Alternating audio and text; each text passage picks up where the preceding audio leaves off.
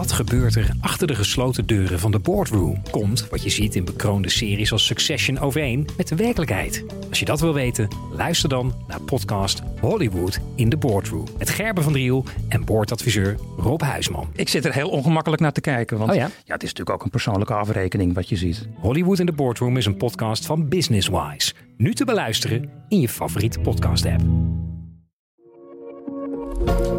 Goedemiddag. De Volkskrant praat je in 5 minuten bij met het nieuws van dinsdag 27 juli. De afgelopen week zijn er bijna de helft minder coronabesmettingen geregistreerd dan in de week ervoor. Daarmee daalt het aantal gemelde besmettingen snel. Wel worden er weer meer coronapatiënten in het ziekenhuis opgenomen. Die toename is vooral bij 40ers en 50ers te zien. Het RIVM verwacht dat de piek deze week wordt bereikt. Van de besmette personen zijn de meeste niet of niet volledig gevaccineerd. Duidelijk is wel dat er nu veel minder mensen sterven aan het coronavirus vergeleken met eerdere golven. Tot slot is ook het reproductiegetal gedaald, van 1,75 op 5 juli naar 0,8 op 12 juli. Zolang dat getal onder de 1 blijft, daalt het aantal besmette personen. Zeker duizend kwetsbare personen wachten nog altijd met smart op hun eerste coronaprik.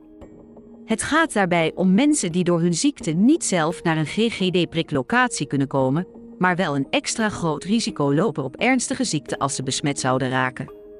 Zij zouden hun vaccinatie thuis moeten krijgen, maar dat komt nog onvoldoende van de grond. Aanvankelijk zouden zij AstraZeneca krijgen, maar die prik mag niet meer aan mensen onder de 60 toegediend worden. De logistiek rond andere vaccins is een stuk ingewikkelder. De organisatie die de thuisvaccinaties zet, kan door lange wachtlijsten niet zeggen wie wanneer aan de beurt is. Inmiddels is er wel een werkinstructie waarmee huisartsen bij de GGD een Pfizer-prik kunnen ophalen om die bij hun patiënt thuis toe te dienen. NOC-NSF verwerpt de aanname dat de coronabesmettingen in de Nederlandse Olympische ploeg optraden tijdens de vlucht naar Tokio. Dat zei technisch directeur Maurits Hendricks tijdens een persconferentie. Vier sporters en twee begeleiders testen de afgelopen dagen positief en moesten in quarantaine. Volgens Hendricks heeft het ook op allerlei andere plaatsen mis kunnen gaan, zoals bij het in- en uitstappen, bij de gezondheidscheck of tijdens het busvervoer. Hendricks zegt dat de NOC-NSF niet over de middelen beschikt om eigen vluchten te charteren. De 300 Nederlandse sporters en hun 200 begeleiders zijn nu verspreid over 17 commerciële vluchten naar Japan vervoerd. De sportkoepel heeft bovendien kritiek op de omstandigheden in de speciale quarantainehotels. De sporters mogen niet naar buiten en het eten zou er te Japans georiënteerd zijn. Justitie eist 23 jaar gevangenisstraf tegen Aziz Al-Ha, die bekend staat als de Bali-Syriër. Zijn broer Fata zou 10 jaar vast moeten zitten. Volgens justitie hebben de twee een leidinggevende rol vervuld binnen een terreurorganisatie die bloedige aanslagen pleegde in Syrië.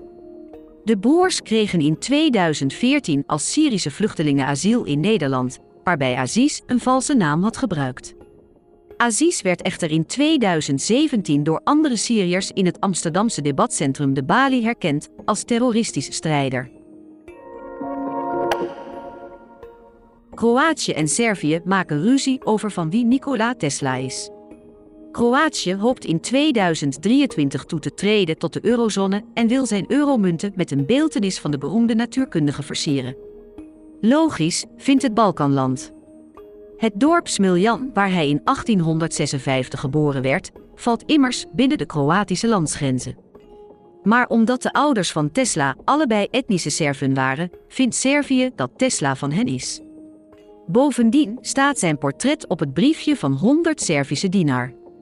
De Servische Nationale Bank dreigt met stappen. De twee landen zijn overigens niet de enige die banden met Tesla hebben. Hij studeerde onder andere in Parijs en emigreerde toen hij eind 20 was naar de Verenigde Staten. Dit was het nieuws in 5 minuten van de Volkskrant. We zijn nog volop aan het experimenteren met dit format en horen graag wat je ervan vindt. Opmerkingen en reacties zijn welkom op innovatieapenstaartjevolkskrant.nl. Tot morgen.